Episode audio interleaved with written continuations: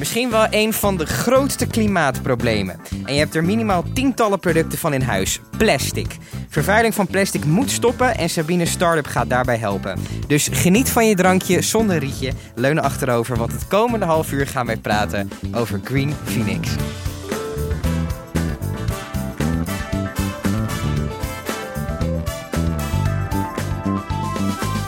Sabine, welkom. Leuk dat je er bent. Dankjewel. Leuk dat ik hier mag zijn. Ehm, we gaan het hebben over uh, Green Phoenix aankomende half uur. Um, ja, ik, ik vertel het al een beetje. Plastic is een van onze grootste klimaatproblemen. Eens of oneens? Ja, zeker eens. En waarom dan? Um, nou, ik woon al twaalf jaar op Curaçao. En een van de dingen die ik daar doe is... Uh, ik leid een schildpaddenbeschermingsorganisatie. En dan gaan we dus naar allerlei stranden toe... om te kijken of er schildpadden aan land zijn geweest om eieren te leggen. Ja. Uh, en een van de grootste uh, issues daar is dat die stranden vaak overdekt zijn met plastic. En lagen op laag op laag. Mm -hmm. En dat is niet alleen op Curaçao, dat is in de hele Caribbean. Uh, allemaal aan de windward sides van die eilanden ligt het vol met plastic. Um, en als je dan dat plastic gaat opruimen, dan zie je dat een van de tien uh, flesjes of bekertjes of wat er dan ook aanspoelt, uh, bijtmarks heeft. Mm -hmm. Dus er zijn dieren die daarvan eten. Ja. Um, en we komen ook regelmatig dieren tegen die verstrengeld zijn geraakt in plastic. Um, en dan kan je zeggen, ja, maar dieren, um, wat maakt dat nou uit? Maar dieren zijn in veel gevallen een belangrijk onderdeel van een ecosysteem waar wij ook deel van uitmaken. Ja. En als je dan kijkt naar zeeschildpadden, waar ik toevallig een beetje wat van weet, uh, wordt vaak gezegd dat ze sentinel-species zijn. Mm -hmm. um, dat komt er een beetje op neer dat ze zijn als een uh, kanarie in de kolenmijn. Als het met de schildpadden niet zo goed gaat, dan gaat het met ons uiteindelijk ook niet goed. We moeten maken dat we daar iets aan gaan veranderen. En schildpadden zijn allemaal bedreigde diersoorten. Dus dat zou een hele erg alarmbel moeten zijn voor iedereen. Van jongens, we moeten echt iets veranderen. Want het kan natuurlijk niet zo zijn dat uh, voor iets wat je een paar minuten gebruikt, dat je daar dan nog honderden jaren last, uh, van, last van hebt. En we hebben er last van. Veel mensen zien het niet. Zeker niet als je uh, op een kantoor werkt en je zit de hele dagen binnen. Maar als je naar buiten gaat, de natuur in gaat, zie je overal sporen van plastic. Zelfs op plekken waar je het helemaal niet verwacht. Want die stranden, dat zijn verlaten stranden. Daar komen geen mensen. Het spoelt allemaal met de zee aan. Ja. Um, dus die plastic soep is echt een ding. En die is groter dan veel mensen zich realiseren. Is het, uh, het, het gaat om plastic afval. Dat is over het algemeen wordt het toch in zee gedumpt? Dat is... Nou, dat, of dat hoe is, komt het in die, op die stranden terecht? Uh, het komt door verschillende manieren in het water. Uh, soms via rivieren, uh, soms via stormen. soms laten mensen het ook daadwerkelijk achter. Um, op strand of op... Op, op het strand of ergens op het land. En dan met, met regenwater mm. spoelt het weg. Spoelt Ja. het in een, in een sloot. En dan uiteindelijk gaat het alsnog naar de zee. Um, maar heel veel mensen weten niet dat alleen 14% van al het plastic dat we gebruik voor, uh, gebruiken uh, daadwerkelijk gerecycled wordt. Dat is echt heel laag. Dat is, is, dat? echt heel laag. Dus 86% dat, dat raken we ergens kwijt. kwijt. En dat kan dus vervuiling worden. Het en kan dus op plekken terechtkomen waar het eigenlijk niet terecht moet komen. Juist. Is er iets wat we kunnen doen om die plastic recycling? Want 14% dat is echt heel weinig. Ja, dat is echt heel weinig. Uh, ik, ik, denk altijd dat de laatste stukje, de laatste beetjes zijn het moeilijk. Daar moeten grote stappen in te zetten zijn. Ja, nou ja, dat, het zijn uh, heel veel dingen die moeten gebeuren. Als eerste moet er eigenlijk uh, een wetgeving opgesteld worden die uh, het gebruik van virgin plastic, dus uh, plastic gemaakt van hele nieuwe materialen, uh, moet ontmoedigen. -hmm. um, materialen uh, of uh, gebruiksvoorwerpen die gerecycled plastic in zich hebben, die moeten eigenlijk gestimuleerd worden. Want het probleem is eigenlijk dat er te weinig vraag is. En mensen denken vaak uh, gerecycled plastic, dat is al plastic dat al een keertje gebruikt is, dat moet goedkoper zijn. Dat is niet zo, want het maken van een nieuw product van plastic dat al een keertje gebruikt is, is heel kostbaar. Het is veel moeilijker dan de initiële maken. Veel, veel moeilijker dan virgin plastic. En daarom kiest de industrie heel vaak voor de goedkope oplossing. En dat is dus nieuw plastic. Alleen op de lange termijn betaalt de maatschappij daar de prijs van. En dat zijn wij met z'n allen. En wij zien dat dan nu al op de stranden. Um, ja, en als de voorspelling is dat we bij 2050 meer plastic dan vis in de zee hebben, ik vind dat echt schrikbarend. En ik wil daar graag iets aan veranderen. En ik vind dat grote industrieën daar een verantwoordelijkheid in hebben. Ik vind dat de regering daar een, verantwoordelijkheid in heeft, maar ook als consument. Want je kan een keuze maken bij elk product dat je koopt of niet koopt. Uh, is het biologisch afbreekbaar of niet? Ehm, moet je het wel echt kopen. En als je het dan koopt, is het het product dat gemaakt is van gerecyclede content? Of gaat het alleen nog maar weer meer de aarde vervuilen? En dan heel vaak eh, is er een probleem met ehm, product design. Omdat er verschillende materialen bij elkaar gebruikt wordt. Waardoor het voor recyclers veel moeilijker wordt om de eh, materialen weer te recyclen. Want eh, er zijn zoveel verschillende soorten plastic. Ze hebben allemaal hun eigen eigenschappen. En je kan ze niet mixen, want dan krijg je gewoon hele rare dingen. Rare producten weer. Ja, Ehm, wat zijn nu op dit moment de producten die het meest verkocht worden waar, waar van plastic, zeg maar? Wat, wat voor soort producten zijn dat? Ehm, nou ja, ik ben niet heel erg thuis in de industrie, maar wat wij veel aangespoeld hebben, zijn natuurlijk flesjes met Ja. name. En, eh, eh, maar ook eh, kratten, grote gekleurde kratten. Ehm, eigenlijk allemaal foodcontainers. Voedsel. De meeste zijn voedseldingen, ja. is, wordt er, zie je in de voedselindustrie eh, een trend dat bedrijven er bewuster mee omgaan om het van andere... Of daar in ieder geval de intentie tot hebben?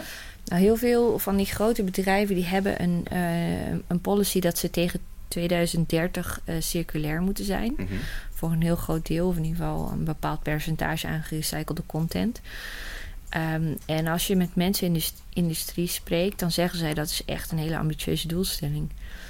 Uh, ik als dan even leek van de industrie, denk ik, nou als je kijkt naar de wereld, we moeten veel drastische stappen maken en sneller. Mhm. Um, maar ja, steeds meer mensen worden bewust. Uh, en ik denk dat dat in Europa wel veel meer is dan dat het op dit moment in de Caribbean nog is. Want het is bij ons echt nog vrij nieuw. Um, en, maar daarom is er bij ons ook nog heel veel meer winst te, behalen halen. en meer impact te maken. Nog even terug naar dat, dat die 2030-doelstelling dan. Ja. Eh, je zegt circulair, wordt er dan mee bedoeld dat het plastic allemaal hergebruikt wordt? Of wordt daar bedoeld andere materialen? Um, in principe gewoon hergebruikt. Want uh, circulair houdt in dit geval in dat alles wat je uitgeeft, dat je dat ook weer terugneemt Geeft, en weer ja. een Maar dat, plaats dat, is, geeft be- in dat je is lijn. best lastig, want als je op het strand zit en er zijn mensen die laten daar hun eh, flesjes achter, of als er mensen zijn die gewoon hun plastic op straat gooien, Ja. hoe, hoe kunnen zij dan die, die circulairheid garanderen? Ja, dat is, dat is iets dat heel lastig is. Maar sowieso, om uh, zo'n economie te creëren, moet je veel beter gaan inzamelen.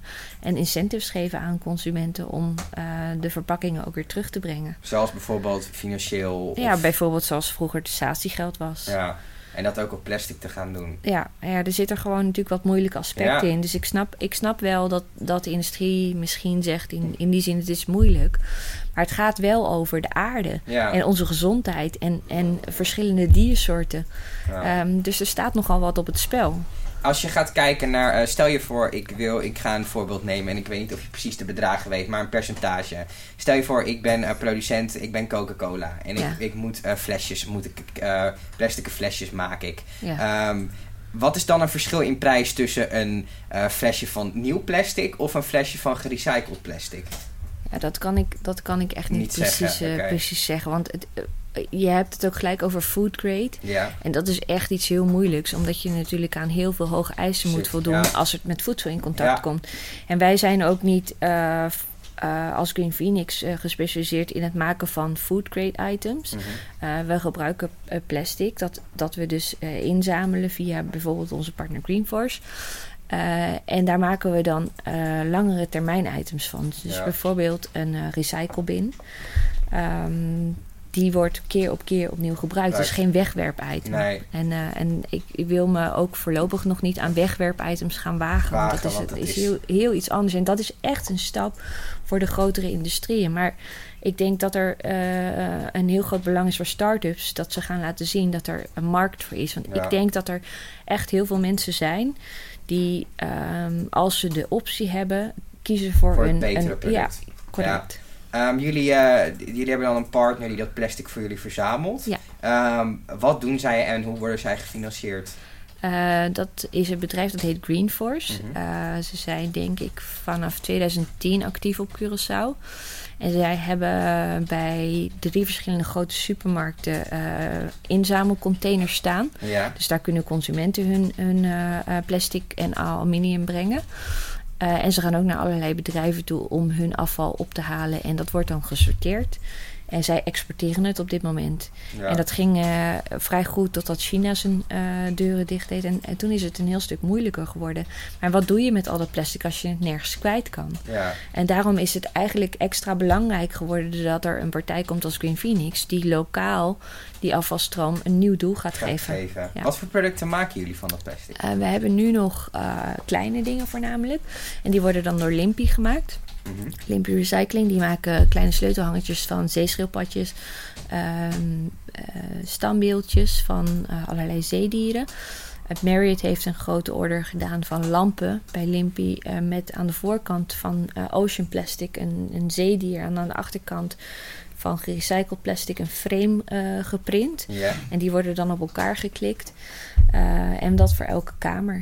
Eh, dus we kunnen custom-made dingen maken. We werken met iemand die eh, 3D, of eigenlijk een bedrijf dat 3D-printing doet met gerecycled filament. Mhm. Eh, dus eigenlijk alles wat je kan bedenken kunnen we maken. Alleen mensen moeten zich realiseren dat er een prijs aan zit. Als je injection molding doet, moet je een mal maken. En daar zitten veel kosten aan. Ja. Dus als je alleen maar één dingetje wil, ja, dat wordt heel het- duur. ja. Als je er meerdere kan gebruiken, eh, dan, dan wordt het interessant. Maar bijvoorbeeld voor Sea Turtle Conservation Curaçao hebben we een schildpadden sleutelhangertje. En daar zijn er in het eerste jaar 11.000 van verkocht. Mhm. Eh, en omdat eh, mensen bij aankoop van zo'n sleutelhanger ook gelijk eh Sea Turtle Conservation Curaçao steunen, eh, zijn ze ook bereid om wat meer daarvoor te betalen. Ja. En dat is eigenlijk ook hoe Green Phoenix is ontstaan. Want eh, toen ik me aanmeldde voor Present Your Startup, ehm, heb ik dat eigenlijk gedaan als zijnde directeur van Sea Turtle Conservation Curaçao. Mhm. Ehm, maar dat is een stichting. En dat zal ook altijd een stichting blijven. Ja. Eh, en dat is daarom niet zo interessant voor investors. Ja. Eh, omdat die eigenlijk ook graag weer wat geld terug willen willen krijgen. Ja. En eh, dat is als, als stichting zijnde die eh, ja, eigenlijk eh, weinig geld verdient. Heel Ja. moeilijk. Maar omdat die souvenirtjes zo goed liepen. Mhm. dacht dan zou eigenlijk heel leuk zijn als we meer afval zouden kunnen repurposen. Want dan kunnen we als eerste zorgen dat er minder plastic in de zee komt. Want die vrijwilligers van Sea Turtle Conservation Curaçao... die hebben tot nu toe 80.000 gallon plastic van de Dat is wel stranden echt een afgehaald. serieus aantal. Ja, ja, dat, Ja. maar wij, het is ook echt een serieuze organisatie. Want we hoeveel hebben man zitten jullie? 50 man. Ah, dat is echt wel heel veel. Ja. Ja, eh, 50 man die elke week één dag in de week minimaal actief is. Mhm. En dan nog heel veel mensen die op vakantie komen, bijvoorbeeld in Curaçao. En dan eh, ons volgen op Instagram of op, op Facebook.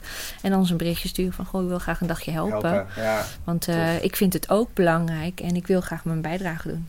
Zie je dat, ehm, dat overheden bezig zijn met dit, met dit soort initiatieven? Want ik kan me best voorstellen dat je ziet bijvoorbeeld bij Groene Stroom dat daar een, een stuk eh, overheidssubsidie bij komt kijken. Eh, is dat in de plastic-industrie speelt dat een beetje? Ja, weet je, het is, het is een beetje grappig dat je dat zegt, want groene stroom is überhaupt nog niet echt eh, Nee, ja, aan de orde in Curaçao. dat is een hele andere discussie. Eh, is dat. ja, en, maar eh, ik, ze zijn bezig met het, het verbannen van single-use plastic items, eh, zoals tasjes en rietjes. Ehm, maar wat ik, wat mijn persoonlijke visie daarin is, is dat ze ehm, wel een soort van trendvolger zijn. Mhm. Maar ze zouden eigenlijk iets verder vooruit Ja. moeten kijken. En dan veel meer al richting de circulaire economie gaan. En dus dat veel meer moeten eh, werken met incentives. En eigenlijk eh, tax op eh, schadelijke eh, verpakkingen bijvoorbeeld. Maar je ziet het nu natuurlijk met die tasjes is, is het hier in Nederland gebeurd. Ja, Dat je geld moet betalen voor, voor tasjes. Ja. Dat zijn denk ik wel goede initiatieven. heel goed, ja, zeker. Maar in de EU is natuurlijk ook goed bezig. Dus ja, er zijn zeker initiatieven. maar het gaat te traag.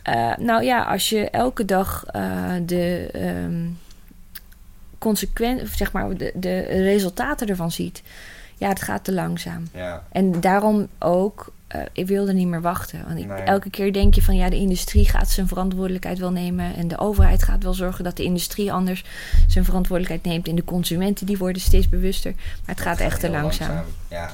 Ehm, denk je ook dat dat bedrijf zoals jij, doordat je je stem laat horen, dat je mensen er bewust van kan maken? Ja. Zie je dat dat werkt, dat je je verhaal vertelt? Eh, nou, zeker de laatste maanden. Eh, ik- we zijn door Present Your Startup onder andere ook al veel in de media geweest. Mhm. Ehm, en heel veel mensen die eh, zoeken contact met mij via social media. En toevallig heb ik net ook nog iemand ontmoet die ik eigenlijk niet kende, maar die wel volgt wat we doen. Ehm, en ja, ze, het maakt een impact. Ja, En dat is heel fijn om te weten, want soms lijkt het alsof, ja, je bezig bent met iets wat heel weinig mensen ehm, interesseert.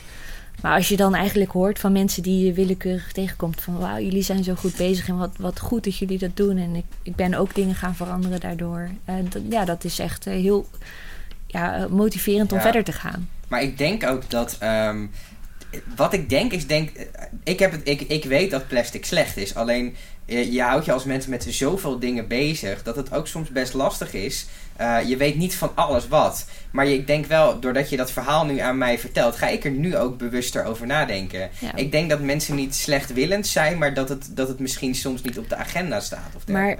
Maar dat is ook het hele probleem, want ik weet er heel veel van. Ja, Maar als ik in de supermarkt kom, dan kom ik toch ook thuis met dingen waar ik eigenlijk een slecht gevoel bij heb. Ja. Maar ja, ik wil graag appels eten af en toe. Ja. En bij ons zitten de appels op een foamschaaltje met een plastic laag eroverheen. ja, En dat, ja, dat is heel vervelend, want je, kon, je ontkomt er in, in deze maatschappij nog niet aan om foute keuzes te maken als je eh, zou willen eten en drinken wat je gewoon eh, wil.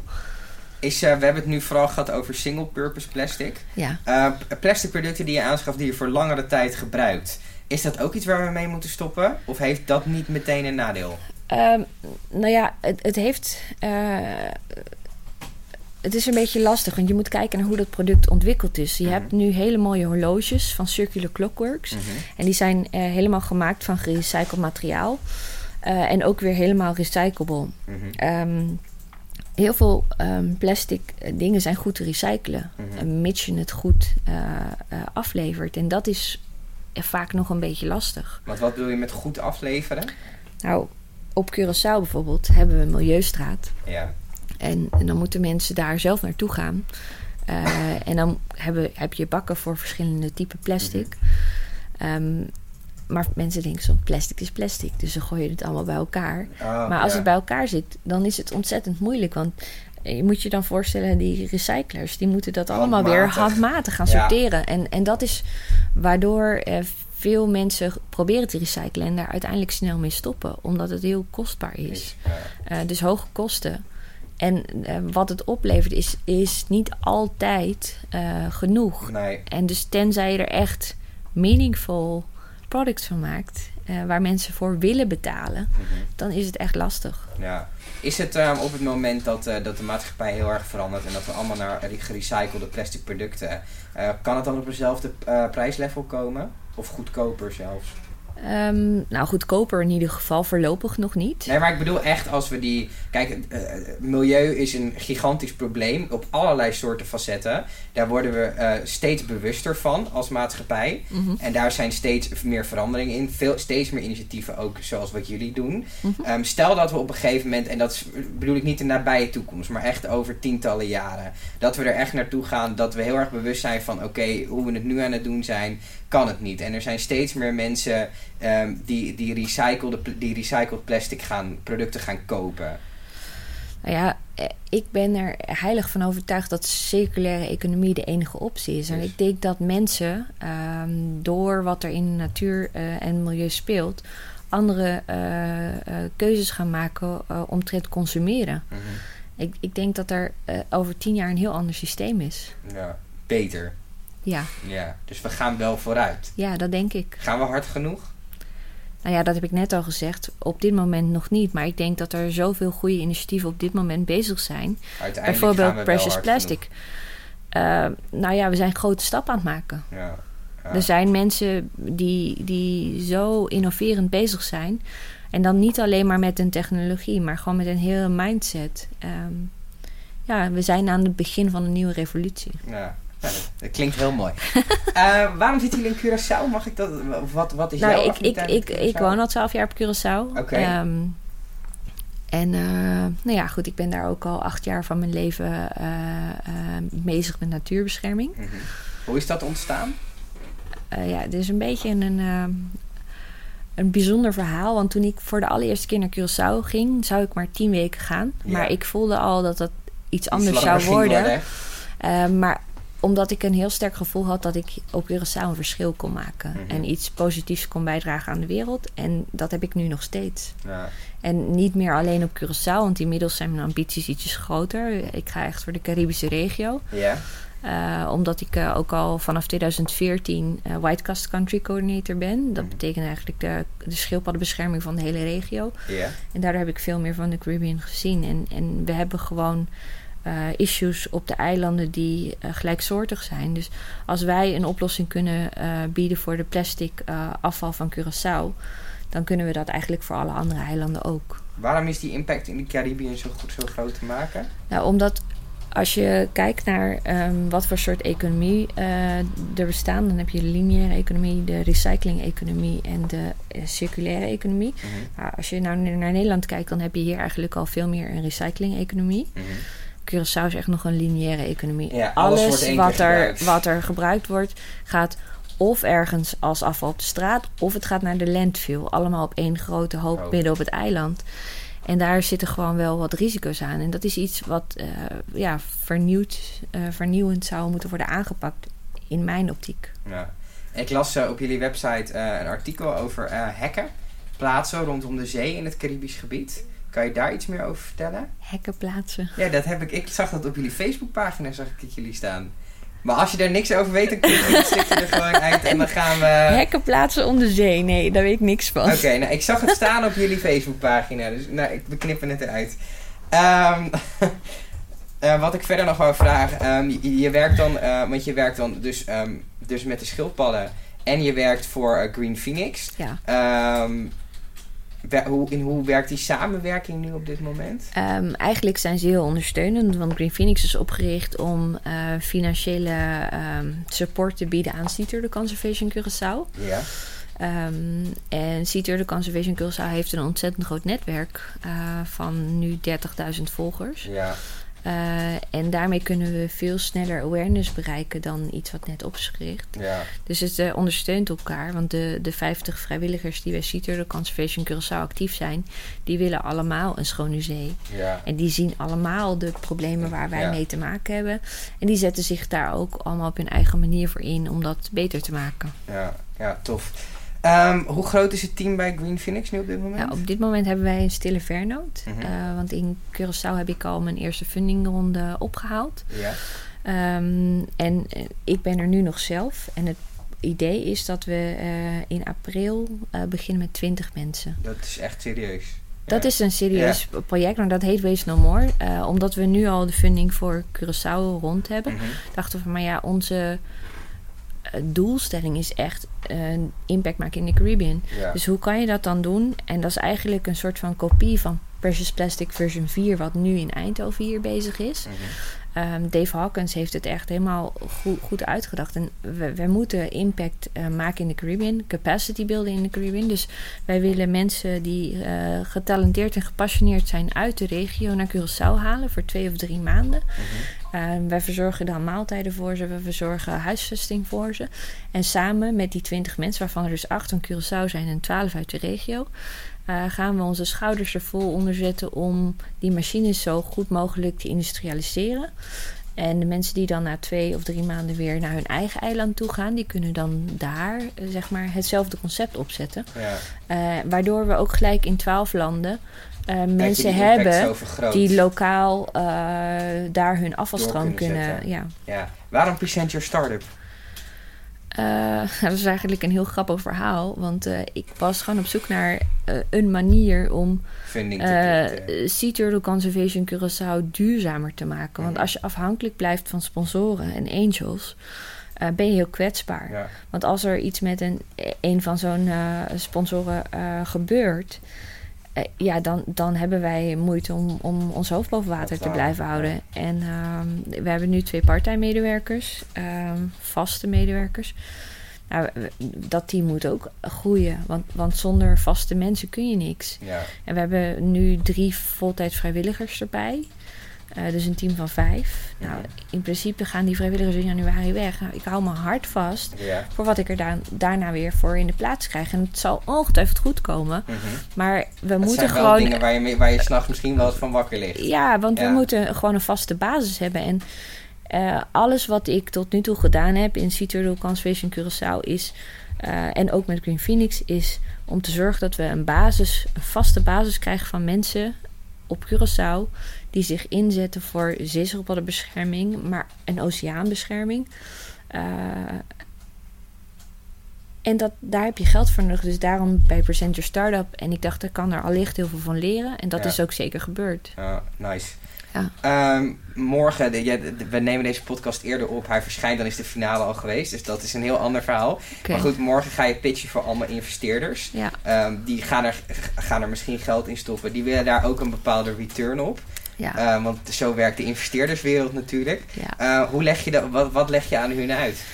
Maar dat is dus eigenlijk een beetje een apart verhaal in mijn geval. Omdat ik al uh, twee maanden geleden mijn investering vraag ehm, eigenlijk ehm, gedekt heb gekregen. Mhm. Dus ik ben eigenlijk nu al naar de volgende stap gegaan. Maar wat ik niet wil is uh, nu al uh, nog een extra investeerder uh, aantrekken die een hoger rentepercentage wil hebben van wat ik nu zeg maar ja. heb geregeld. Ja. Dus wat ik heb gedaan is ik heb een crowdfunding opgezet mm -hmm. voor 300.000 dollar. Ja. we hebben een projectbegroting gemaakt, dus het gaat echt specifiek nu om projectfinanciering. En ik vraag mensen in de zaal en mensen die de stream kijken of ze naar die link kunnen gaan. Uh, en of ze een donatie willen doen. Um, dat heb ik gisteren voor het eerst online gezet. En vandaag is er ook een Global Giving, uh, Giving Tuesday. Dus als mensen vandaag iets geven, dan um, wordt het verdubbeld door Global, Global Giving. Ja. Um, en um, ja, goed, ik, ik ga in de zaal zeggen van joh, je kan een recyclingbin bij ons uh, alvast pre-orderen. Mm -hmm. Die krijg je pas in mei, maar daarmee kun je wel je support uitspreken. Dus het is ja. geen donatie, maar je, je, je koopt, een, je, koopt een, je koopt een product. Ja.